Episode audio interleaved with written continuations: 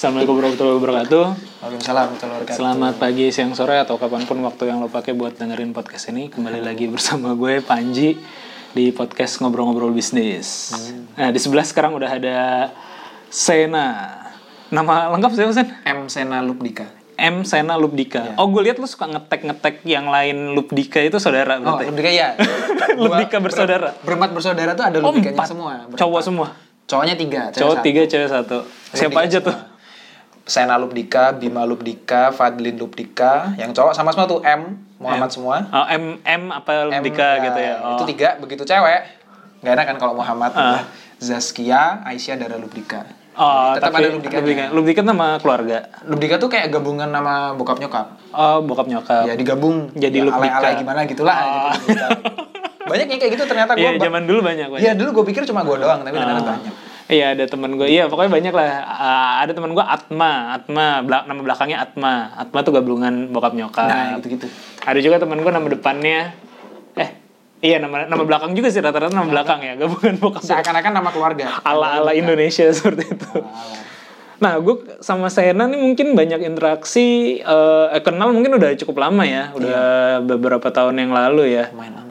Interaksi paling rame cuman setahun terakhir ya gara-gara di backup, Backup. ya backup programnya backup eh backcraft dan sayang sekali backcraftnya udah Sudah diserap. sudah sudah digabung sudah dilebur dilebur sama pariwisata tapi katanya nggak tahu sih tahun ini apakah ada lagi program back backup Oh berarti enggak. masih belum confirm iya apa enggak?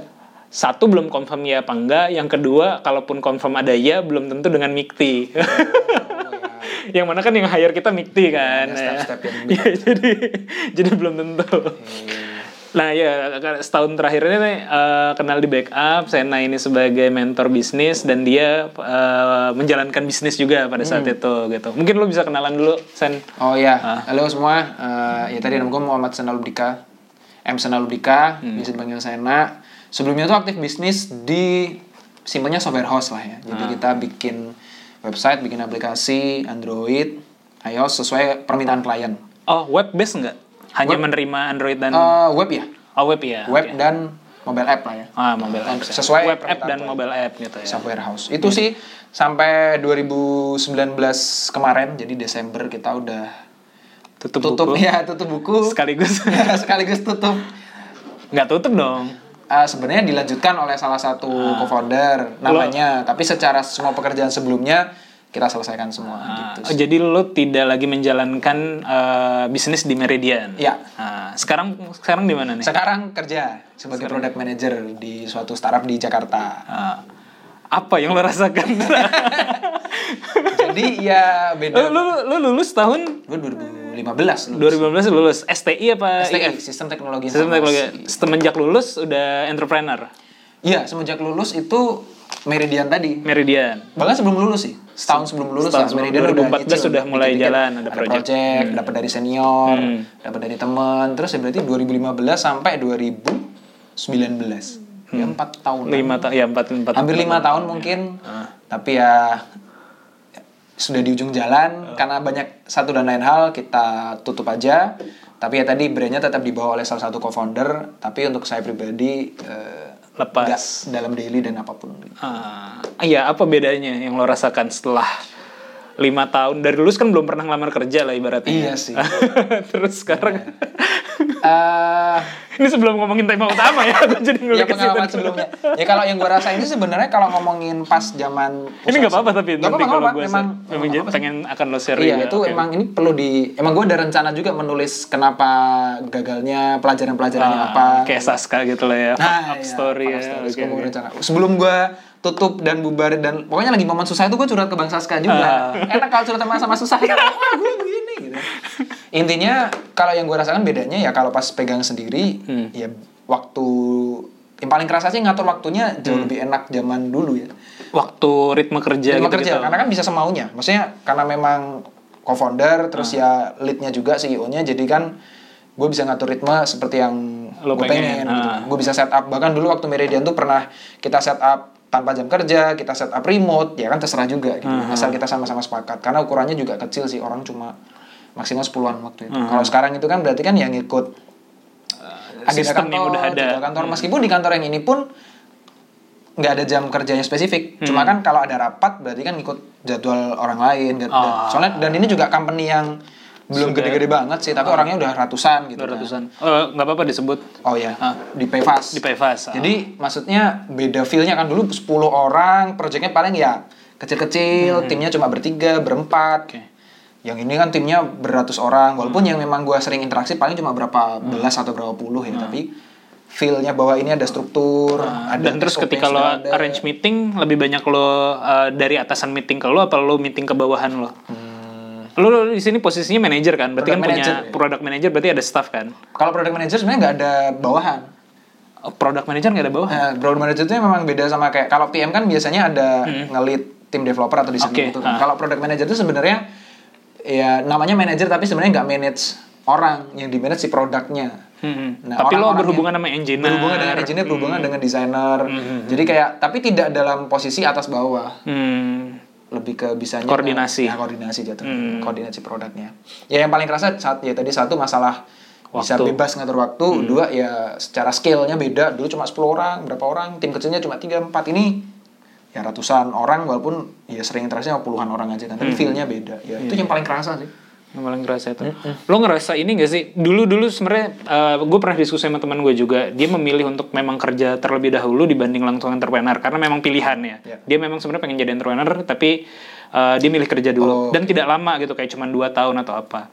Tujuan dia waktu itu dia bilang ke gue adalah gue pengen ngerapiin ritme kerja karena ketika kita lulus kuliah langsung kerja eh langsung entrepreneur tidak punya mindset office gitu loh kerja serabutan sesuka kita Iya kayak gitu-gitu eh sedangkan dia ngerasa eh, kayaknya gue perlu rapi nih gue bangun jam 8 eh apa gue kerja jam 8 pulang jam 5 agar beres di situ gitu lo lo ngerasa ada kayak gitu nggak Ya, itu emang kerasa banget ya dari gue bilang masalah pengaturan waktunya. Sebelumnya kan bisa setup terserah. Hmm. Yang sekarang kan memang ada tadi walaupun masuk dan pulang itu nggak di state, tapi kan ya tadi ada janji dengan orang lain dan ada ekspektasi dari teman-teman yang lain kan bahwa ya baiknya datang ke kantor jam sekian.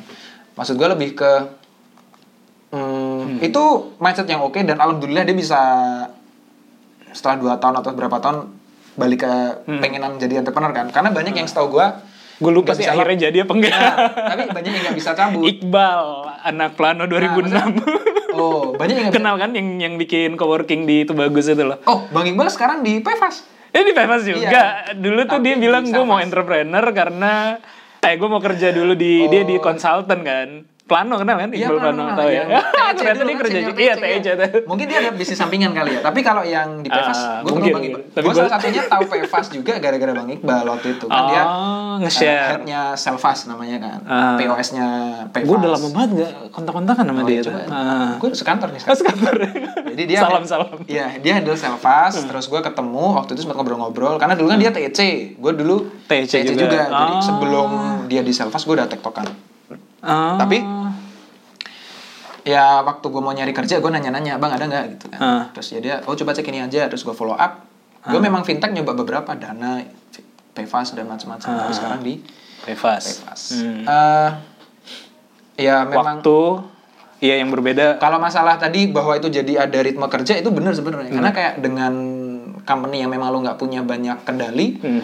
ya kan jadinya lebih teratur karena Ya, karena mengikut- dengan banyak orang Ah, kan. iya, betul, betul, nge-align banyak orang itu sih Mhm. Kalau dari sisi beban bagaimana? Kalau kalau kalau selama ini kalau gue interview orang kan eh, biasanya kalau entrepreneur tuh pulang kerja masih mikirin kerjaan. Kalau sekarang apakah lo jadi terbebas dengan itu? sebenarnya memang bobot bobot pikirannya beratan waktu usaha sih bobot pikiran Bobot pikiran. karena kan mikirin jadi ngapain gimana. kalian entrepreneur? kan cash flow-nya gimana gaji orang gimana ntar THR dan lain-lain kayak Hmm. pikirannya tuh nggak cuma tentang misalnya role-nya project manager nggak Hmm. cuma projectnya selesai gitu kan Aha. cash flow gimana meng-hire orang dan lain-lain sedangkan Hmm. kalau sekarang role gue yang product manager kan tas gue lebih, lebih spesifik gitu Mhm. Eh, nggak bener-bener nyeleksi maksudnya nggak bener-bener ceri nyari developer baru nggak bener-bener Ah, nyari iya, iya. project baru kan Iya. hal-hal itu udah Kecuali di- mungkin sales ya. mungkin tapi intinya kan kalaupun lo tim sales di suatu perusahaan besar lo kan nggak mikirin Itu sendiri gitu ya, produk betul, dan lain-lain. Sebenarnya Ha. kalau jadi entrepreneur kan condong ke segala macam lo pikirin gitu Iya, iya, kalau iya. memang masih awal terutama ya kalau udah punya terstruktur lebih rapi lebih lah enak. Hmm. Cuma kalau pas awal-awal pas yang gue rasain kemarin karena skillnya baru belasan orang, ya segala macam dipikirin gitu. Sekarang lebih spesifik, lebih dalam, tapi sebenarnya bobot pikirannya tuh lebih berat dulu. Lu- lebih berat dulu. Kalau sekarang mungkin karena ada responsibility secara real ya. Real, kalau kalau entrepreneur kan apalagi misalnya usaha menengah kecil kecil menengah gitu kan mungkin tanggung jawabnya adalah ya kalau gue mau makan banyak gue kerja banyak kayak gitu Iya. kan ibaratnya kan. Nah, kalau sekarang kan memang ada tanggung jawab ke orang lain gitu ya, mungkin ada ya. orang lain. lebih ke kayak gitu sih yang gue mm, merasakan. Jadi kalau ngomongin beban pikiran masih beban yang sebelumnya. Ah. lebih enak mana Lebih enak mana? eh tergantung mau. ini ini ini gue gak tahu ya lo akan lo kalau lo merasa tersinggung atau tidak enak jawab nggak apa-apa sih Iya, ya iya.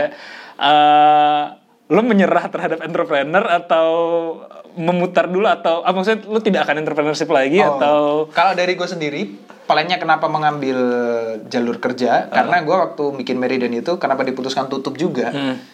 karena gue ngerasa kemampuan gue dalam sebagai leader bisnis itu sangat kurang.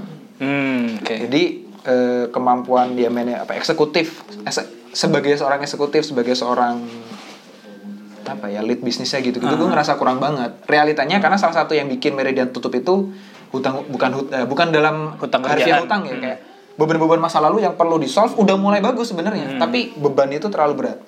Jadi masih kebawa terus sedangkan ya banyak sebenarnya bukan banyak tuntutan dari luar tapi gue sendiri ngerasa nggak enak. Hmm. karena kan memang masih belum besar jadi padahal kan udah berkeluarga meskipun belum punya anak Hmm. tapi kayak gue jadi mikir banyak gitu loh. Hmm. Terus- oh lo udah berkeluar oh iya ya lo lo nikah tahun berapa?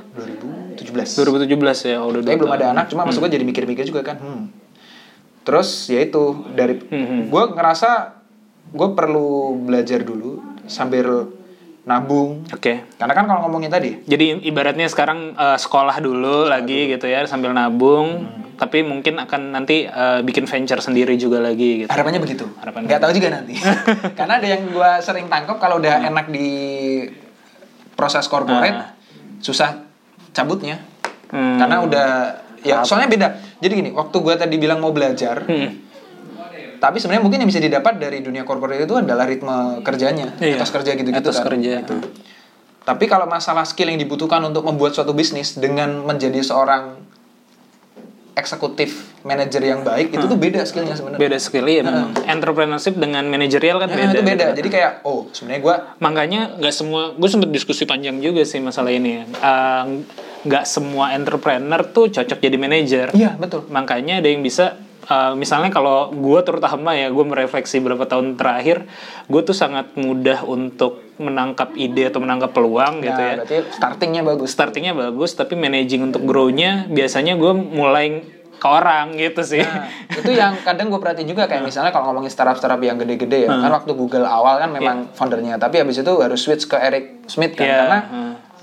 Ya, ya tapi gue nggak di level itu ya. Itu kan sangat besar Iya, gitu loh. gua tetap berarti kan memang ada orang yang ahli di creating opportunity di awal-awal uh. sama ada yang bagus buat operate dan scale-nya kan? Iya, walaupun sempat di, di, di apa ya dibantah sama teman gue eh, lo kalau mau besar harus tetap menguasai manajerial. Karena Oh, iya. karena ketika misalnya contoh dia ngasih beberapa contoh salah satu contoh yang populer dibilang tuh kayak eh, si siapa gue lupa namanya anak singkong itu. Oh CT Ah, ah, Hairul Tanjung dia bilang eh, oke dia sangat kuat di sisi ideation. Ini kan kuat di ideation ya Iya. jadi menangkap peluang dan mengeksekusi. Tapi ketika ketik dia ada satu momen dia fokus di satu tempat dia mengembangkan itu gede nggak gua nggak tahu di Transcorp atau di yang eh, apa namanya yang perusahaan militer eh, apa eh, senjatanya itu ya. Ah, kayak gue lupa apa namanya itulah pokoknya eh, apa grup gitu. Eh, tapi dia fokus di situ dan itu besar baru dia mulai mulai balik lagi ke fase awal dia entrepreneurship yaitu dia membuka peluang buka peluang tapi nah itu. doang. bayangan gue tapi sih memang skillnya berbeda sih. kalau maksudnya gini mungkin menurut gua kalau case CT itu jadi mungkin dia bisa berkembang sesuai dengan ritme kebutuhan dia perusahaan dia. Betul. jadi kayak awalnya butuhnya jago creating opportunity dan menangkap itu menjadi suatu Iya. sistem habis itu bisa managing habis itu bisa scaling Hmm. kalau dia bisa ngikutin itu terus dia tetap bisa jadi helmnya tetap bisa jadi CEO-nya Iya, tapi, pasti akan lupa bro. Karena gue sempet nyoba kayak fokus satu tahun untuk managing gitu ya, Eh, kuat banget di managing gitu.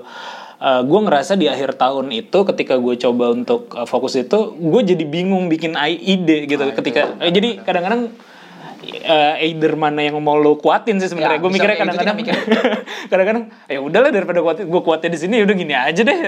Itu juga bisa kayak yang penting fokus ke salah satu atau tadi ngikut ritme perkembangan company. Uh, Iya, ya walaupun ya gue nggak tahu juga yang bagus yang mana, tapi, Iya. tapi nanti makanya kalau saya plus dari sisi gue pribadi Heeh. ya itu. Gue ngerasanya gue sebenarnya belum bukan orang pebisnis asli. Heeh. gue tuh manage in, in terms uh, of managingnya atau in terms of uh, creating opportunity-nya. uh, in terms of managingnya condongnya tuh. Nggak gue nggak terlalu bisa ke situ. Dan gue tuh sukanya bukan tentang bisnisnya sebenarnya. Kayak gue lebih suka Produk. baca ngajar gitu. Kalau ngomongin apa yang gue pribadi suka. Hmm. dan akhir-akhir ini memang gue nggak terlalu hobi project manager. Gue Hmm. suka ngeksplor product management. Project management ya. Jadi cocok banget lah lo Hmm, yang karena gue suka ngeksplor kayak ya tipikal how to startnya itu lah ya gue suka ngebantuin itu. Cuma kalau eksekusi itu hmm, kadang gue ngerasa kurang gitu. Dan di luar itu kalau ini agak jauh dikit gue personal sukanya tuh ya tadi sih baca terus ya, ngajar, ngajar gitu sharing. suka. Ya makanya lo suka nulis-nulis ya. ya pengen diseringin sih. Hmm. gitu. Dan lu juga kan selain itu tadi ya yang kita bahas sebelum tag ini eh tadi mungkin mimpi eh, untuk bikin venture juga dan belakangan ini gue lihat lo kan suka bikin eh, apa ya suka ngikut kegiatan tentang koperasi digital Ya, koperasi. dan segala macam kayak gitu. Betul. Berarti mungkin nanti terjemahan dari mimpi lo itu untuk bentuk jadi suatu koperasi itu. iya Iya. Sta- uh, yang diharapkan seperti itu rencananya Kenapa koperasi? Oh, ah, ini baru nih. Intinya sih kalau koperasi gue sendiri melihatnya ini sebagai solusi. So, bentuk solusi dari masalah-masalah ekonomi yang ada di nggak cuma Indonesia bahkan di dunia. Ya kayak kesenjangan ekonomi. Eh koperasi sendiri sebenarnya eh, terminologi dari mana sih Indonesia atau luar? Koperasi atau? itu aslinya dari Eropa Ah, awalnya. Cooperation gitu atau Kooperatif kalau bahasa. Kooperatif, oke. Kooperatif. Nah, kooperatif itu awalnya dari Rochdale namanya tuh di UK gitu. Hmm. 1840-an sekian gue lupa. Hmm. Itu yang koperasi modern ya. Nah, terus itu ya kalau sama Muhammad Hatta diadaptasi waktu dia sekolah di Eropa dibawa ke Indonesia, Indonesia. jadinya koperasi. Koperasi. Ah, kenapa lo menganggap koperasi ini bisa jadi solusi Hmm. permasalahan? Salah satunya tuh kalau ngomongin kesenjangan ya. Hmm. Jadi kan posisinya tuh siapa yang sekarang kan kalau orang bilang kan yang kaya makin kaya, yang miskin makin miskin. Hmm, kapitalis lah ya. Kapitalis lah Hmm, ceritanya. hmm. Eh, kesenjangan ini kan muncul kelihatan banget lah. Nah, eh, kalau kita bikin simpelnya gini, yang paling gampang tuh contoh koperasi pekerja. Hmm. Jadi kalau koperasi pekerja itu beda sama koperasi karyawan ya. Kalau Oke. koperasi karyawan itu kan ada suatu perusahaan, misalnya yang gampang apa yang terkenal Telkomsel. Iya. Kan ada koperasi karyawannya nih, Kisel namanya. Oke. Nah, ad- ada dua entitas berbeda kan, ada Kisel, ada Telkomsel. Hmm. Kalau ini koperasi karyawan, ada dua entitas. Kalau koperasi pekerja itu satu entitas. Jadi suatu perusahaan yang dimiliki oleh karyawannya sendiri, oleh pekerjanya sendiri. Oleh seluruh orang yang terlibat di perusahaan tersebut. Ya, oleh semua pegawai yang ada di perusahaan tersebut. Hmm. Secara demokratis. Karena kalau Oh iya iya. Eh, satu orang satu suara. Tapi kalau ngomongin kompensasi ekonominya bisa beda-beda. Maksudnya gajinya beda-beda nggak apa-apa. Kalau ada profit dibagi-baginya dengan cara yang berbeda juga nggak apa-apa. Tapi tergantung power iurannya mereka gitu. tergantung iuran bisa, tergantung kontribusi bisa. Kontribusi itu bisa macam-macam. Bisa jam kerja, bisa Hmm. Segala macam. Iya iya iya. Nah, tapi titik krusialnya adalah di eh, satu orang satu suara. Oke. Kalau di koperasi. Nah, Di pengambilan keputusannya. pengambilan keputusan. Nah, jadi kenapa koperasi bisa jadi solusi minimal untuk kesenjangan? Case yang sederhana dulu ya. Nah, kalau kita ngomongin perusahaan yang biasa, itu kan ada tiga entitas kan, ada tiga pihak sebenarnya. Hmm. Ownernya yaitu investor, Iya. eh, terus ya direksi yaitu yang manage Manajemen, ya. sama pegawai yang eksekusi semuanya. Hmm. Nah, ini kan tiga pihak ini kan saling ada kepentingan masing-masing, interaksi kan terus. Oke. Nah, dan kalau misalnya ada profit kan sebenarnya haknya itu ke owner. Owner. Ya, investor lah mungkin bahasa yang gampangnya Oke. owner. Hmm. Jadi kan ada yang diekstrak dari situ. Sedangkan kalau koperasi pekerja itu kan pemiliknya itu ya si pegawai juga. Jadi akan kembali ke mereka sendiri. Jadi Ah. minimal kesenjangannya dan sentralisasi kekuatannya itu akan minimal. Kan banyak hal yang jelek sekarang itu tuh karena pemusatan kekayaan Hmm. yang mempengaruhi pepua- pemusatan kekuasaan. Iya. Nah, itulah kira-kira salah satu solusinya kenapa koperasi bisa menyelesaikan masalah ekonomi. Itu salah satu contohnya ya. Tapi di luar itu adalah supaya kontrol ekonominya itu nggak cuma dimiliki oleh yang itu itu lagi. Sebenarnya core-nya di situ. Makanya Kalau masalah pengambilan suaranya satu orang satu suara, satu orang satu suara. bukan berdasarkan tadi kompensasi tadi. Kalau kompensasinya bisa berdasarkan kontribusi, Iya. tapi kalau bobot suaranya tetap satu orang satu suara. Nah, kalau kompensasi berdasarkan kontribusi misalnya kan kenapa tadi sistem ada owner, ada manajer, ada karyawan gitu lah anggaplah ya. Eh, karena perusahaan untuk starting kan butuh modal kan. Ya. Modal ini eh, pemilik modal adalah kontribusi orang-orang yang punya modal Betul. terhadap eh, keberjalanan perusahaan. Kalau di koperasi starting company-nya gimana? Udunan. Starting- Ah, starting capitalnya tuh dari anggota-anggotanya. Seluruh anggota. Ya, seluruh anggota. Itu buat Hmm. starting capital. Atau mereka minjem dari luar juga bisa. Kalau misalnya ada eh, anggota yang memodali lebih besar dibanding yang Boleh. lainnya. Tapi nanti kompensasi ekonominya dia lebih besar. Cuma bobot suara dia tetap satu.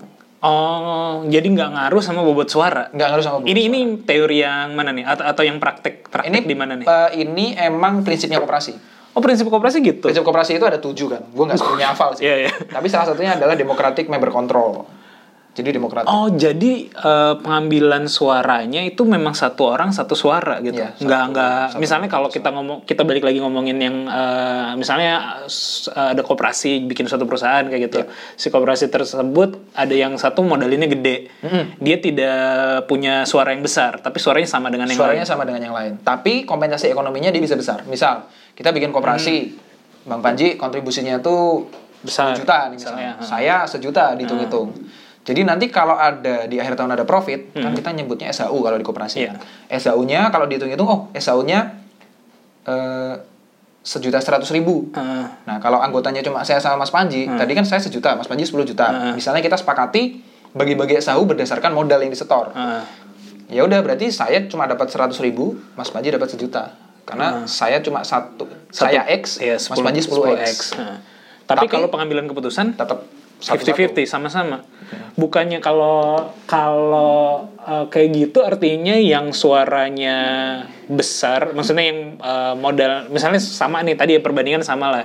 Uh, gue 10 lo satu. Atau ada orang lain satu jadi tiga gitu ya biar Ya, biar nggak biar nggak genap ya. Oh, biar iya, nggak biar nggak fifty fifty gitu misalnya buat contoh. Nah kalau misalnya dua ini karena uh, satu suara ternyata di keputusan kita di akhir tahun uh, kita bersama-sama memutuskan mengganti sistem pembagian SHU jadi dibagi rata. Misalnya ya misalnya. Bukan berdasarkan porsi kapasitas.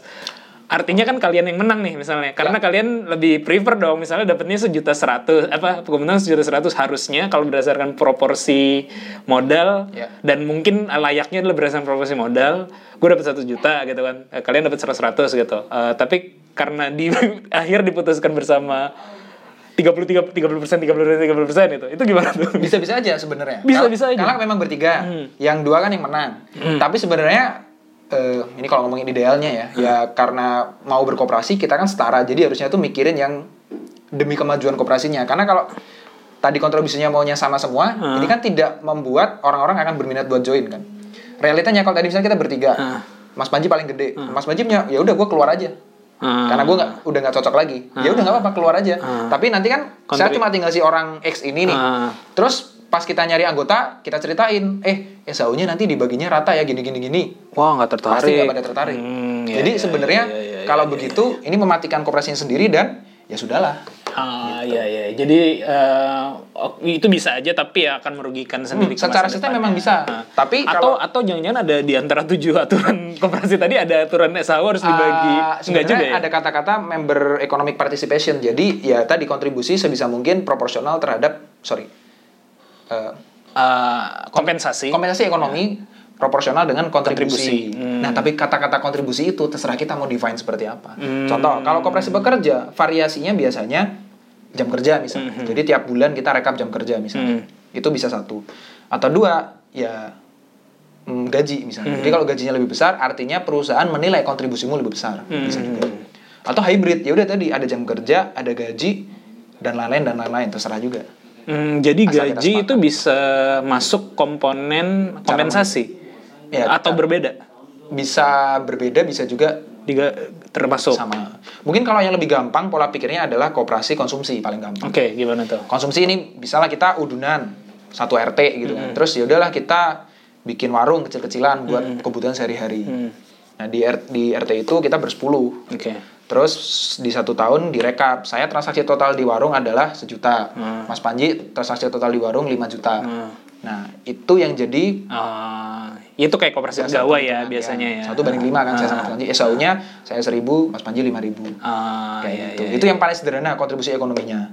Tapi Iya tadi itu yang paling simpel karena kalau ngomongin tergantung titik pentingnya di mana. Iya. Kalau kalau ngomongin koperasi konsumsi, orang yang makin banyak konsumsi, Hmm. maka dia yang makin membesarkan perusahaan, kan? Iya, iya, iya. membesarkan koperasi kita bersama. Jadi ya wajar kalau patokannya adalah konsumsi. Iya, iya. Tapi bisa juga nggak cuma konsumsi, Hmm. bisa aja konsumsi plus modal yang ditaruh di perusahaan di, di koperasi tersebut ya ya, ya.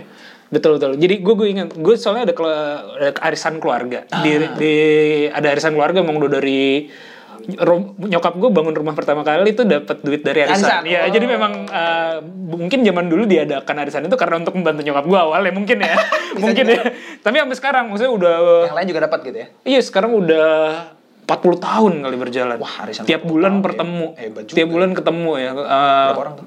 eh 12 keluarga lah. Hebat 12 juga. Per Jadi tiap bulan bisa rutin gitu. ya kadang-kadang ada yang absen. Kayak gue juga sering absen karena gue di Bandung kan, kan eh, keluarga di Jakarta. Jakarta ya. Eh, nah di situ gue jadi ingat gara gue mematahkan yang ngomong gue omongan sendiri sih di di arisan tersebut eh, walaupun ini sebenarnya mungkin bisa di kalau yang nggak suka bisa diklaim jadi kayak riba gitu ya cuman di arisan tersebut eh, kita selain ada duit arisan ada duit tabungan Oh. di mana duit tabungan tersebut sebenarnya bisa dipinjem dipinjem oleh anggota arisan Ya. Eh, yang mana ya keluarga gitu. Di mana nanti si eh, yang minjem akan melebihkan. Eh, tapi hitungannya sebenarnya bukan dengan riba tapi dengan eh, apa namanya murabahah ya atau gue ketuker lah antara pokoknya sistemnya bukan sistem eh, margin tapi margin jual beli gitu. Eh, kon- konteksnya kayak gitu gitu. Ah. Nah, eh, artinya kan harusnya yang minjem lebih besar kontribusinya kalau ngomong itu eh, apa? eh, ya kontribusi dia terhadap eh, uang tabungan yang Uang bertumbuh ini, ini makin besar karena kan dia nanti eh, nambahinnya ngasih marginnya akan makin besar, Besar. gitu. Tapi yang terjadi di koperasi arisan gue itu di akhir tahun dibaginya rata.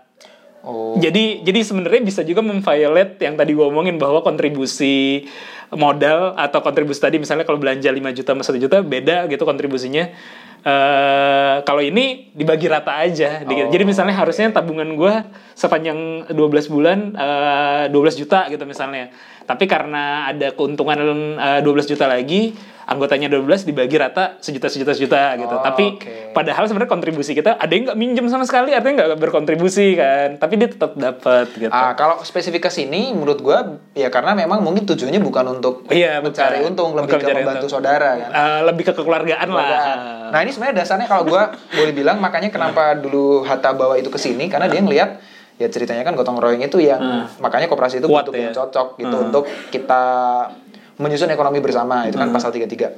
Jadi kalau yang tadi diceritain itu ada memang koperasi kredit nyebutnya. Jadi koperasi kredit itu Iya. kita nabung Koperasi simpan pinjam ya. Ya, umum simpan ya. pinjam sama ya sebenarnya mirip ya, cuma eh, ada maksudnya agak berbeda. Cuma intinya mah kita nabung di satu tempat bareng-bareng. Lu lu jadi anggota. Heeh. Terus nanti lu bisa minjem duit yang kita kumpulin bareng-bareng. Itu udah koperasi sebenarnya Iya. secara Iya, cuman maksud gue tadi gue mau, mau, mau mengkonter omongan gue sendiri bahwa Iya. uh, bisa jadi nggak rela, tapi buktinya kan gue sering minjem ya, karena, karena gue butuh gitu kan. Gue sering minjem, tapi uh, gue rela-rela aja uh, dibaginya rata gitu, karena mungkin lebih ke keluargaan keluarga. aja kan. Jadi asalnya semuanya sepakat nggak apa-apa bisa juga Iya, iya. dengan concern kita tadi bahwa eh kita nggak proporsional secara modal atau siapa yang sering minjem ya tapi disamain tapi Mas Panjinya nggak apa-apa. Rido-rido aja oh, lah Ya udah nih buat kita bersama ya itu is oke. Jadi Jadi oke aja. Jadi sebenarnya bisa, jadi tergantung Nah, ya. itulah kekuatan dari mereka yang kena dampak dari suatu keputusan adalah yang membuat keputusan itu. Asal sepakat Iya, iya. terserah. Ah, Iya, tapi kalau gue mungkin karena keluarga sih. Iya, jadi lagi ya. Itu ada ikatan Iya sih, lain Ada sih. ikatan lain. Jadi kayak eh, ya nggak nggak nggak penting-penting amat gitu kan. Tapi ya kalau itu distrukturkan secara lebih Rapi. bisnis based dan profesional, lah itu jadinya koperasi kredit. hmm, ya ya ya ya. Dan koperasi kredit Bisa pemahaman gua SAU-nya dibagi berdasar ya tadi yang sering minjem kontribusi. karena dia memberikan Oh, kalau misalnya ada koperasi kayak gitu ya, misalnya modalnya udunan koperasi, Ya. lalu yang minjem di situ bisa dari luar koperasi nggak? Yang idealnya harus jadi anggota dulu, Oh. baru bisa minjem. Jadi bukan kayak lembaga keuangan patungan ya, bukan kayak fund manager ya. Bukan. Jadi kalau fund manager kan bisa aja kita patungan nih, lagi, taruhlah 10 juta kekumpul gitu. Nanti tiap siapa yang minjem dari sana, baru nanti itu jadi kayak korporasi lagi. Korporasi. ya. Karena sebenarnya pada prinsipnya kan koperasi itu kan membantu anggota. Jadi kayak Nah. ya lo yang ngumpulin, kalau lo mau minjem nanti yang mengambil manfaat ya lo jadi anggota gitu. Ah. Secara prinsip ya. Walaupun sepemahaman gue ya realitanya ada juga yang begitu. Jadi kayak Iya, ya iya, iya, ex pihak lain bisa meminjam Ah. walaupun bukan anggota. Tapi kalaupun ada profit ya cuma dibalikin ke anggota aja. Hmm. Nah, lo kesepakatan sepengetahuan gue, lo kan eh, belajar koperasi ini ke mana-mana ya, ke Hong Kong, ke India, ke Malaysia kemarin. Gimana penerapan di sana? Jadi sebenarnya di mana pun koperasi itu berada, eh, brandnya itu sama, sama-sama busuk. ya kalau di Indonesia kan kita tahu KB apa koperasi langit biru, Iya, koperasi- penipuan, iya, iya, udah iya. penipuan, tua, hanya Tua, simpan pinjam yang Tua tuh apa? tua kan jadul. Oh, Anak muda nggak- nggak pengen, ya, iya, lampau. Ah, ah, ah, Oke. Kuno. Arkaik lah itu kuno. Ah, ah. Di luar pun ternyata seperti itu. Dulu juga seperti itu. Meski bahkan di tempat-tempat yang kalau dilihat secara data di tempat mereka koperasinya lebih muncul gitu. Hmm. Kayak US tuh sebenarnya banyak tuh koperasi pekerjanya. Di kita Koperasi tuh pekerja. Ah, Berarti banyak. yang tadi yang si perusahaan tersebut dimiliki oleh pekerjanya sendiri. dimiliki oleh pekerjaan itu ada sendiri. beberapa puluh Hmm. atau ratus ya perusahaan. Di kita pemahaman gua koperasi pekerja itu hampir nggak ada. Koperasi pekerja nggak ada. Karena memang terminologi ini tidak dikenal gitu. Koperasi karyawan banyak, Koperasi karyawan banyak. banyak banget. Tapi koperasi pekerja sangat jarang. Iya, bahkan koperasi karyawan kadang-kadang tuh ya tadi memang entitas yang berbeda dengan perusahaan Ada ya. perusahaan betul, betul. inti ada koperasi karyawan. Nah. Nah, di luar itu ya sama. Mungkin nggak sampai tipu-tipu ya. Mungkin di Indonesia tuh yang Hmm. koperasi adalah penipuan gitu kan. Tapi kalau di luar itu yang sama adalah jadul, eh, tidak disukai anak Hmm. muda, terus kayak plus satu lagi orang nggak tahu sebenarnya koperasi itu apa. Hmm. Bahkan nggak tahu gitu loh. Hmm. Jadi Levelnya banyak yang nggak tahu. Kalaupun tahu, mereka tidak paham sepenuhnya ini potensinya gimana. Hmm. Yang nggak coba sama Indonesia sebenarnya. Hmm. Tapi Indonesia plus banyak tipu-tipu. Jadi di seluruh negara dunia ada aja kok koperasi. Ada, jadi semua. koperasi itu kan memang udah ada organisasi internasionalnya. Oh, ada. Kayak UN-nya gitu. Ah. Namanya International Cooperative Alliance. Ah, nah, ini Aliansi adalah iya, Apex. Jadi asosiasi internasionalnya yang dia punya perwakilan di semua negara. Hmm. Makanya nyebutnya tuh cooperative movement. Gerakan kooperasi itu internasional. Hmm. Di masing-masing negara ada gerakan kooperasi, tapi desentralisasi di ICA gitu ya ICA kan, itu. International Cooperative Alliance. Di tapi kan kalau yang gue lihat lo suka posting di Instagram tuh kayak keren-keren kan koperasi luar tuh. banyak success yang- story-nya ya, nah, success story. success story-nya itu sering gua share dan keren-keren tapi itu itu aja Hmm, kayak rumah sakit apa waktu itu lo bilang Ah, yang, gitu. ah, kan. yang rumah sakit di India tuh Kerala jadi rumah sakit dimiliki oleh pasiennya Tapi yang boleh berobat situ pasien itu itu doang. bisa kalau yang berobat bisa banyak Oh, bisa banyak. tapi yang mendaftar mungkin nggak semuanya sebagai Ah, anggota ya maksudnya karena kan kalau jadi anggota kan ada hak dan ada kewajiban Iya iya iya. Ada, Ada hak juga- dan ada kewajiban ya betul. Jadi kayak itu mungkin- mungkin itu bisa jadi kayak asuransinya di situ juga. ada di- jadi kalau lo jadi anggota lebih murah dan lain-lain tapi ya ada komitmen juga bahwa harus bayar sekian tiap gitu-gitu. bulan gitu ya. rumah sakit terus ada yaitu kontraktor tapi dia dimiliki oleh pekerjanya Hmm. jadi bayangin Wika gitu tapi dimiliki oleh pegawai-pegawainya Hmm. ada yang kayak gitu ada juga yang semacam goklin Hmm. tapi goklinnya itu dimiliki oleh mitra-mitranya Mitra-mitranya. Hmm. Jadi memang gua kadang gua sering explore di luar karena di luar banyak contoh-contoh keren. Hmm. tapi kalau dibandingkan secara komparasi antara misalnya gue nemu contoh di US yang bagus sekian sekian sekian kalau itu di compare dengan US secara sebuah ekonomi Hmm, ya kecil. tetap kecil sebenarnya Dan Indonesia sebenarnya gede kan kayak koperasi. GDP kooperasi itu berapa ya sekian persen masih kecil tapi Oh iya, tapi maksud gua, eh gua, gua juga nggak tahu ya ini mungkin eh, pemahamannya bagaimana ya. Kalau di Indonesia tuh ada temen gue sempet datang ke acara COP UKM gitu, eh, Kementerian COP UKM mengundang koperasi-koperasi Ya. se-Indonesia gitu. Tajir-tajir. oh kalau kooperasi simpan pinjam di Indo tuh ada yang gede-gede aset Ah. yang dipegang tuh ada yang udah triliunan Kayak koperasi NU, kayak gitu-gitu. ah, terus kospin jasa apa, terus ada yang Pekalongan tuh. Nah, itu pekalongan tuh kospin jasa Kospin tuh. jasa itu salah ya? yang paling gede itu kan tajir melintir maksudnya ap- itu siapanya owner kan harusnya kalau ngomongin koperasi ownernya adalah Mem- seluruh member. anggota kan Ah, iya anggota atau di anggota terbesar Hmm, ya mungkin yang diundang itu Atau adalah penerapan. pengurusnya. atau CEO-nya karena pengurus itu tidak selalu CEO. Oke. Jadi bisa bisa ngambil professional manager gitu kan. Tapi kalau yang diundang kalau untuk acara-acara ya perwakilannya pengurus atau Ah, kalau secara struktur apa aja sih di koperasi? koperasi itu strukturnya itu ya kan anggota tuh. Ah. Anggota tuh sebenarnya kalau entitas terkuatnya tuh organ terkuatnya tuh rapat anggota. Rapat anggota. Nah, rapat anggota tuh memilih pengurus. Nah, Kalau inisiator ada nggak? Ada kontribusi? Pendiri nyebutnya. Oh pendiri. Pendiri koperasi. Pendiri dapat hal yang lebih dibanding yang lain nggak? Hmm, kalau secara lebih sih nggak lebih ke kalau lo join sebagai pendiri persyaratan anggota itu lo nggak masuk. Maksudnya? Jadi misal pas kita membuat suatu koperasi dibikin syarat anggota adalah sudah satu tahun bekerja di sini misal. Ah. Waktu lo mendirikan kan lo nggak harus memenuhi Bekerja satu tahun. Iya di situ. Ah. Jadi pendiri itu ya initial state.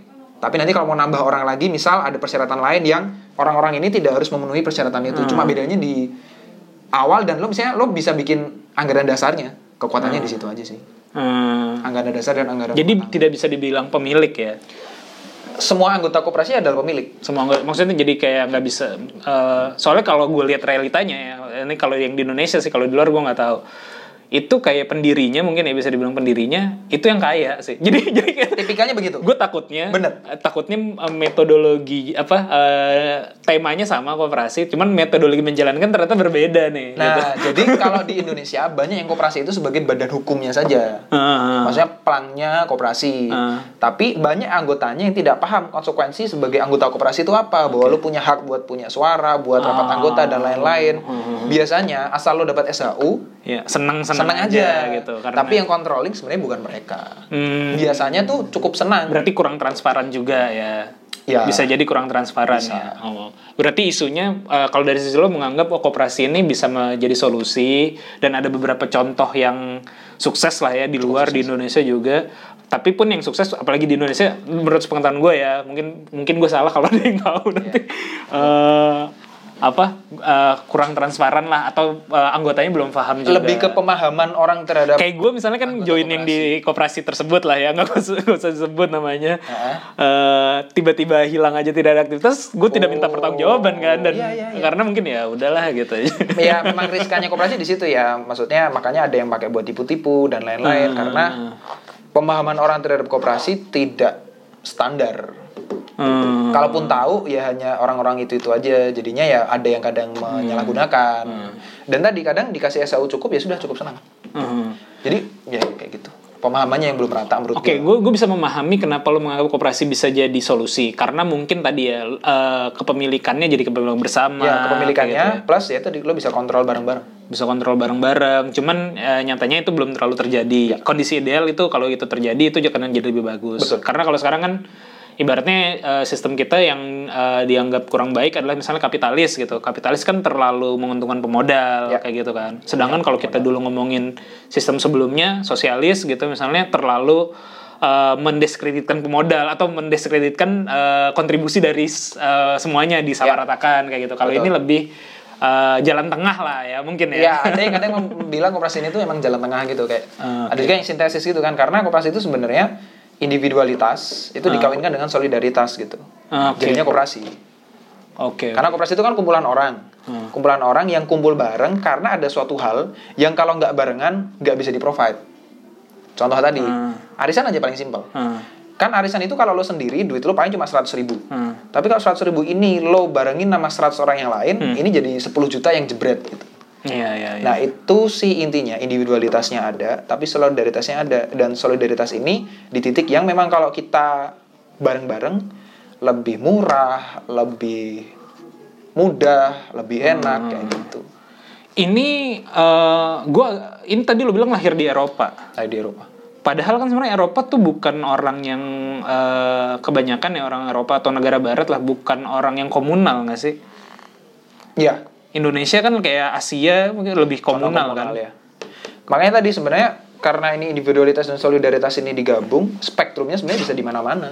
Kayak ini manusiawi gitu loh bahwa gini, walaupun orang-orang barat itu individualis, tapi yang namanya kebutuhan bersama itu kan sebenarnya memang ada ada aja kan hal-hal yang kita perlu struktur bersama kayak misalnya ya kalau kayak negara-negara Skandinavia kan mereka banyak layanan-layanan publiknya kan misalnya asuransi Hmm. kesehatan transportasi publiknya bagus kayak Amsterdam misalnya itu kan artinya mereka sadar bahwa oke kita emang condong ke individualitas pribadi itu yang utama gitu iya. ya kebebasan pribadi Oke. cuma mereka juga menyadari kalau memang semua orang dibiarkan sendiri-sendiri tidak efisien juga Iya, jadi iya. memang ada yang perlu disama dibarengin gitu nah tapi spektrumnya di mana itu yang kelihatannya masih perlu dicari Kalau koperasi yang paling bagus yang pernah lo lihat tuh apa? kalau yang sering orang-orang ceritain dalam konteks koperasi yang sering jadi contoh tuh namanya Mondragon Mondragon, Mondragon Cina, Mondragon itu di Spanyol Spanyol. Oke. nah di nama provinsi Ini nama koperasinya koperasi Mondragon. Mon- Mondragon, Mondragon. Ini mungkin kalau yang mau nyari ya Mondragon. Mondragon itu yang paling sering diceritain karena dia itu sebenarnya adalah suatu holding kooperasi. Jadi Oke. kooperasinya itu ada banyak Ah, dan semuanya itu kooperasi pekerja. Dan ini tuh bukan kooperasi pekerja yang ngecek-ngecek ya. Mereka tuh punya pabrik sendiri, ah. punya sekolah, punya badan riset sendiri, punya kayak Carrefour-nya sendiri, punya bank, Hmm. segala macam dia punya. Oh, Jadi ini gede banget ya. holding ya kayak anggapannya kayak CT tadi ya misalnya dia punya holding Grup. grup terus ada perusahaan-perusahaan sendiri-sendiri tapi ini ada koperasi yang membawahi Hmm. koperasi-koperasi lain Hmm. dan ini udah puluhan ribu pegawainya Hmm. di provinsi namanya Basque Country gitu Dan mungkin eh, mungkin yang bikin menariknya kooperasi karena sistemnya kan looping di dalam situ ya. Misalnya eh, tadi kalau kayak kooperasi pegawai contohnya, gue belanja di situ, kontribusi gue makin gede, kompensasi gue makin gede. Jadi gue makin sering belanja di situ aja nah deh. kayak gitu ini kan. sebenarnya se- sekedar menyelaraskan insentif Hmm. Iya kan? Cuman kalau yang misalnya karyawan, misal kalau yang rumah sakit gimana tuh? Misalnya dia kan dokter, dokter juga di situ. Dokternya juga nah kalau struktur yang gue kemarin temui ownernya itu pasiennya bukan dokternya oh bukan dokternya. Dokternya jadi pegawainya. Jadi di hire ya. tapi dokter itu diangkat jadi dewan kehormatan. Nah kayak gue lupa pengawas atau apanya gitu. Jadi kayak mereka tetap punya suara gitu. Hmm. Cuma secara kepemilikan keanggotaan itu mereka bisa mendaftar dokternya bisa mendaftar sebagai pemilik juga. Ya, kalau Tapi dia- dari sisi sebagai Pasien. sudut pandang pasien. Iya iya. Eh, tapi maksud gua eh, kalau misalnya kooperasi pekerja deh, eh, kalau kooperasi pekerja misalnya dia kan dapat kompensasi gaji kan. Gaji tetap dapat. Gaji tetap dapat kan. Eh, kalau dia kerja di situ dia tetap dapat Ya. kayak gitu. Kalau dia misalnya udah pensiun akhirnya dia nggak dapat gaji tapi dia masih owner kayak gitu itu bisa terjadi kan ya? Bisa terjadi. Bisa terjadi juga. Tergantung si kooperasinya mau gimana. Karena kadang ya tadi kalau misalnya lo udah nggak kerja bisa aja lo harus keluar. Kalau keluar dapat kompensasi nggak? Misalnya ya, tadi simpanan. oh jadi awalnya dia bisa ya. Hmm. Jadi kayak simpanan dia bisa ditarik gitu. Kenapa kooperasi kalau di Indonesia eh, banyak penipuan? Karena itu dipakai untuk ngumpulin duit orang, Hmm. habis itu duitnya dipakai buat investasi yang riskan-riskan Yang mengumpulkan adalah pendiri. pendirinya. Hmm. Contohnya ya itu yang koperasi Cipaganti. Padahal sebenarnya, terus apa lagi sih eh, kemarin yang penipuan tuh gue lupa lagi. Nah, padahal sebenarnya kalau kalau berdasarkan prinsip kooperasi, pengambilan keputusan untuk invest di mana atau melakukan aksi apa itu harusnya bersama-sama. Tidak harus. Oh, Kalau tidak harus daily juga. operasionalnya kan sudah dipercayakan ke pengurus dan Oh, mungkin pendiri gitu ya. enggak, lebih ke pendiri itu sebenarnya udah nggak ada kontrol lagi.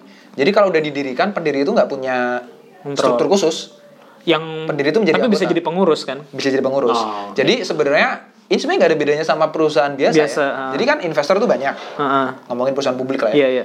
Investor investor banyak, Iya. mereka diwakili oleh komisaris, komisaris nge-hire direktur. Iya.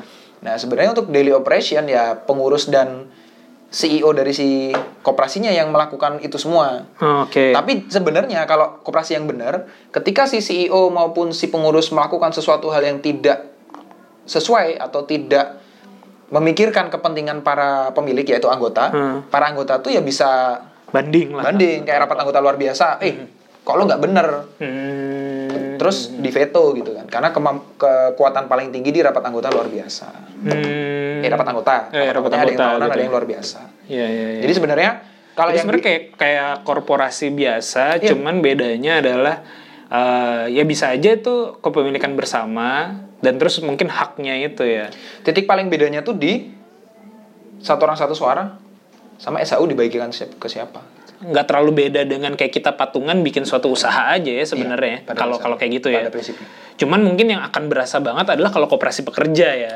Karena pekerja mungkin merasa jadi lebih memiliki di situ. Oh, iya iya iya. iya. Jadi sebenarnya koperasi itu Hmm. bisa segala macam ya formatnya bisa konsumen jadi tadi bikin minimarket bareng-bareng atau bisa produsen jadi misalnya ada satu area itu pengrajin kayu semua terus ya mereka bikin koperasi untuk ngejualin produknya bareng-bareng atau buat beli supply kayunya bareng-bareng Iya, terserah iya, iya. intinya balikin ke siapa sih yang berkumpul kepentingannya apa Hmm. nah dah lo rebuk dengan format koperasi Hmm. Oke oke oke.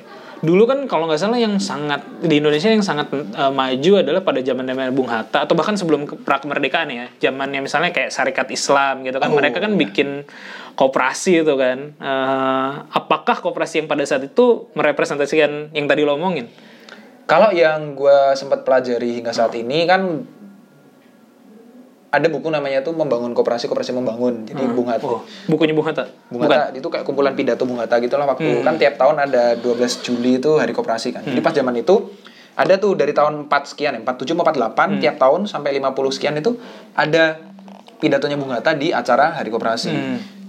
dia selalu menceritakan data-datanya. Kayak misalnya tahun ini simpanan sekian dan lain-lain secara global gitu eh secara nasional. Nasional ya. itu tuh ritmenya naik terus. Maksudnya si- tabungannya yang selalu meningkat keuntungan meningkat dan lain-lain. Tapi di satu titik itu tuh nggak ada lagi eh, Itu koperasi seluruh Indonesia. Indonesia berarti. Jadi Oh. naik waktu zamannya awal-awal kemerdekaan. Kalau sebelum kemerdekaan gue kurang paham ya. Hmm. kalau yang setelah kemerdekaan ada tuh eh, si di buku itu tuh kelihatan datanya dan tiap tahun oh naik terus nih. Tapi di satu tahun gue lupa nggak ada dok- dokumennya lagi. Ah, udah terus loncat beberapa tahun kemudian ya di pidatonya itu intinya kok ya nggak jalan dengan baik gitu. Gue Jadi kan pas pernah awal-awal lihat juga postingan lo tuh lo mengkritisi pidatonya JK atau apa tentang koperasi itu apa sih? ya Pak- Salah paham Pak JK lo. itu pernah bilang Ah, apa ya? startup tuh koperasi itu ya? koperasi gitu karena gue lupa alasan dia apa Ah. kayak itu salah. Salah pemahaman jatuhnya. Mungkin yang bikinnya kalau ada orang-orang ya orang-orang misalnya mitra-mitra tuh dapat kerja dari Gojek terus kan itu kayak kumpulan orang-orang terus bekerja bareng-bareng Ah. itu koperasi ya belum tentu Nah, karena tadi mungkin kompensasinya ya atau siapa ownernya itu yang jadi penting plus kekuatan suara suaranya. orang-orang Iya iya iya. Itu berdasarkan apa sih. kalau PT itu kan satu lembar satu suara Iya. dan satu orang bisa banyak lembar Betul. Nah, itu kan makanya tadi gua gua membayangkan dengan modal kan. Modal kan eh, berapa lembar sahamnya kan. Betul. Eh, tapi kalau di sini mah berapapun lembar saham yang lo miliki sebenarnya eh, suaranya tidak terlalu berpengaruh lah. Tidak. Demokratis lah ya. Demokratis, Demokratis. kayak kayak pemilu aja lah Iya, ya. kayak pemilu. gitu. Hmm. Biasanya kalau gue bahas itu langsung pada nanya lah ini nanti gimana masa segala keputusan dirapatin atau semua orang bobotnya sama ya makanya prinsip koperasi itu salah satunya adalah education training sama information jadi memang semua anggota itu harus ditatar terus bahwa untuk paham Iya. ya apa konsekuensi sebagai anggota ini tuh keputusannya ini lo yang bagus ini lo yang nggak bagus itu emang Iya, iya, embedded di iya. koperasi Iya iya. jadi kalau yang Pak Suroto bilang ini salah satu guru gue, guru koperasi di Indonesia itu Pak Suroto.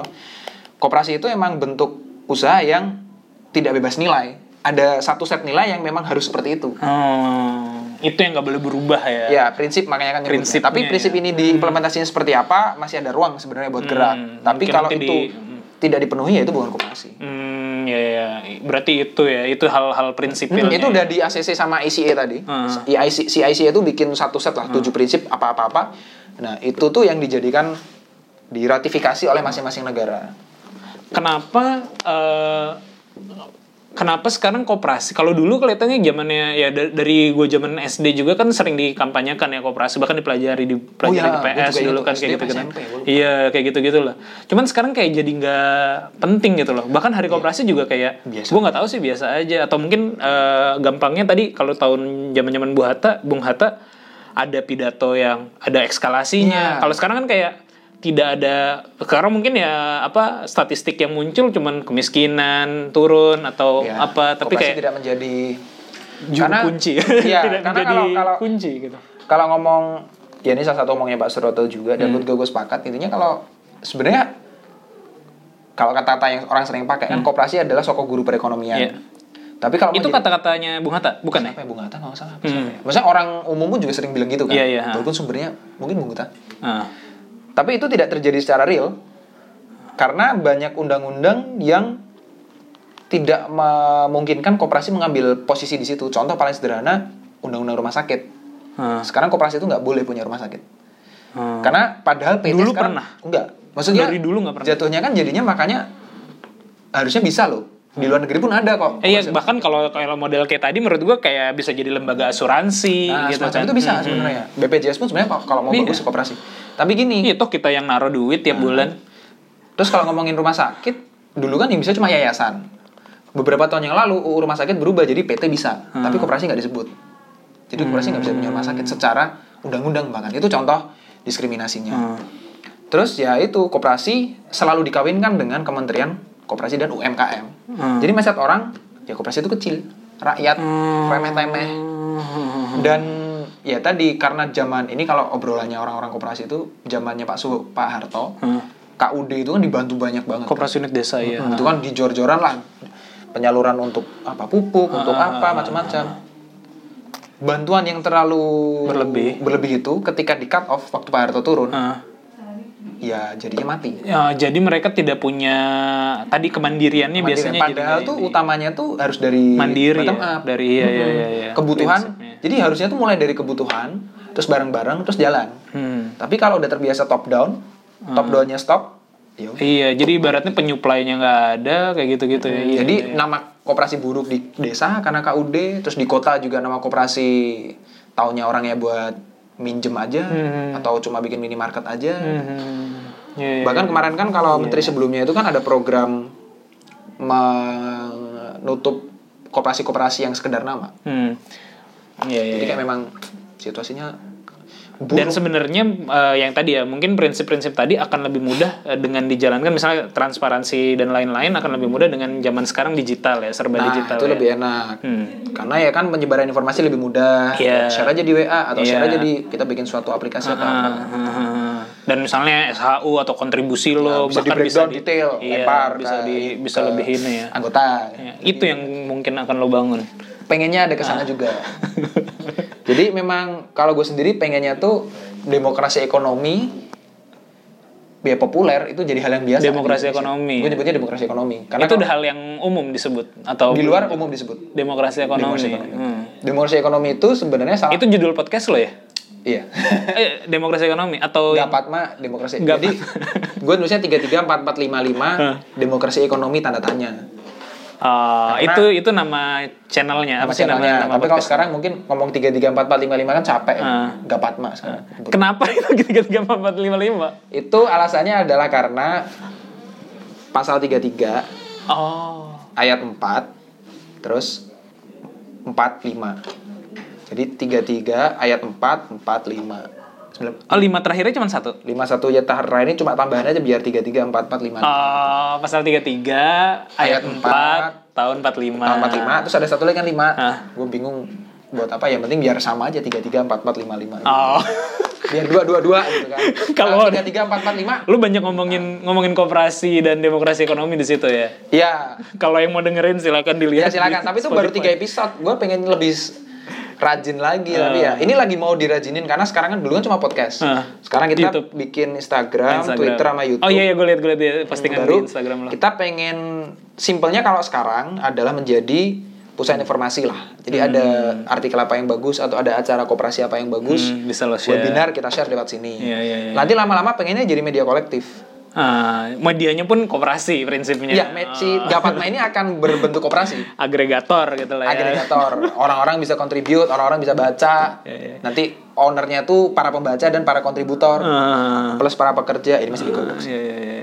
Keren keren keren. jadi memang apa ya gue ngomongin koperasi itu agak trik eh, ya bukan agak ya sangat tricky sekarang kalau di Indonesia karena tadi reputasinya jelek pemahaman tidak sama idealnya sangat bagus cuma kalau mau disebarkan secara luas brand yang lama udah terlalu kuat Iya iya. jadi iya. memang prosesnya nggak bisa Atau mungkin ganti nama aja. Sebenarnya maksud gue kadang-kadang maksudnya tidak mesti dengan nama koperasi kan lu pak lu sebut aja apalah gitu untuk ini aja. Iya bisa juga sih. Makanya gue juga bikin namanya Misalnya kan demokrasi. botol gitu. Makanya gue juga bikinnya demokrasi ekonomi bang. Iya iya iya. iya. Karena kalau ngomong koperasi kayak eh gitu kan. Iya, maksud gue kadang-kadang kan orang eh, tertutup dengan apa namanya nama gitu. Padahal Kadang-kadang emang orang-orang gitu. koperasi itu men- mengubah jadi kolektif Hmm. atau kolaboratif Iya, iya, atau iya, komunal atau kalau gue belokinnya ke demokrasi ekonomi. Demokrasi ekonomi. Jadi kalau lo banyak eh, ya mungkin baru tiga, cuman mudah-mudahan nanti banyak gitu. Iya. Instagramnya juga atau lo lihat Sena aja. Iya itu. Mungkin itu ya. eh, dan lo juga suka nulis di Medium ya. Ada. Kadang tulisan pribadi, kadang tulisan tentang demokrasi ekonomi. Yang ngurusin siapa sekarang lo sama saudara lo? ya? Sekarang tuh bertiga. Ah. Jadi ada gua, ada dua teman, ya satu adik gua, satu teman gua. Yang kita emang udah sering tektokan tentang, Tentang koperasi koperasi. ini, ah. Terus pas gua cerita rencana yang gapat main ini gini gini gini kayak ya udahlah kita Jalanin lah. gitu. Hmm. Kita lihat nanti bagaimana. Sip, sip, sip. Tuh, jadi kayak pokoknya kalau buat gua tuh pengennya lebih banyak dua sebenarnya yang kalau mau simpel ya lebih banyak koperasi pekerja Ah. dan lebih banyak platform kooperatif Hmm. Platform kooperatif itu Sebenarnya konsep koperasi ini menarik sih. Mungkin akan gue coba di next venture kali ya. Karena menurut gue eh, satu beban di gue jadi lebih ringan juga mungkin ya. Oh iya, iya, bisa juga, bisa juga. Karena me- mengajak banyak orang, tapi ya itu mungkin memang perlu dicoba. Eh, kalau ada yang mau ya. Iya, makanya emang harus orang-orang yang sebenarnya kebutuhannya jadi Iya, iya. dicari di orang-orang yang kebutuhannya mirip. Di luar ada yang gini, Bang. Jadi sesama pebisnis nih. Hmm. Misalnya pebisnis eh, Tepung. gampang apa ya? Apa- Tepung, ah. ya, eh pebisnis roti misalnya. Roti, ah. Sesama pebisnis roti kan butuh tepung, supaya tepung. Nah, mereka berkumpul bikin satu koperasi bakery. Ah. mereka maju ke Bogasari gitu kan. Iya, iya. Eh bro, tepungnya murahin lah karena kita Iya, beli iya, banyak. iya, Nah, iya. itu yang paling simpel dari needs Hmm. kebutuhan. Dan terus nanti banyak-banyakan beli adalah itu kontribusinya. Ya, jadi misalnya di akhir tahun ada profit, Sari roti ternyata banyak. Misalnya beli Iya, roti. tepungnya. ya 10 paling gede gitu kan. Ya udah dia SAU-nya paling gede. Ya, ya, ya, ya. menarik, menarik ya. Bisa diulik-ulik gitu ya. diulik. Nanti gue akan coba ngulik-ulik.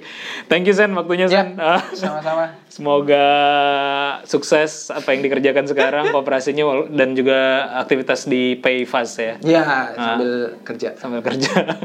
Dan terima kasih yang udah dengerin sampai habis. Mudah-mudahan ada manfaatnya. Sekian dari kami. Assalamualaikum warahmatullahi wabarakatuh. Waalaikumsalam warahmatullahi wabarakatuh.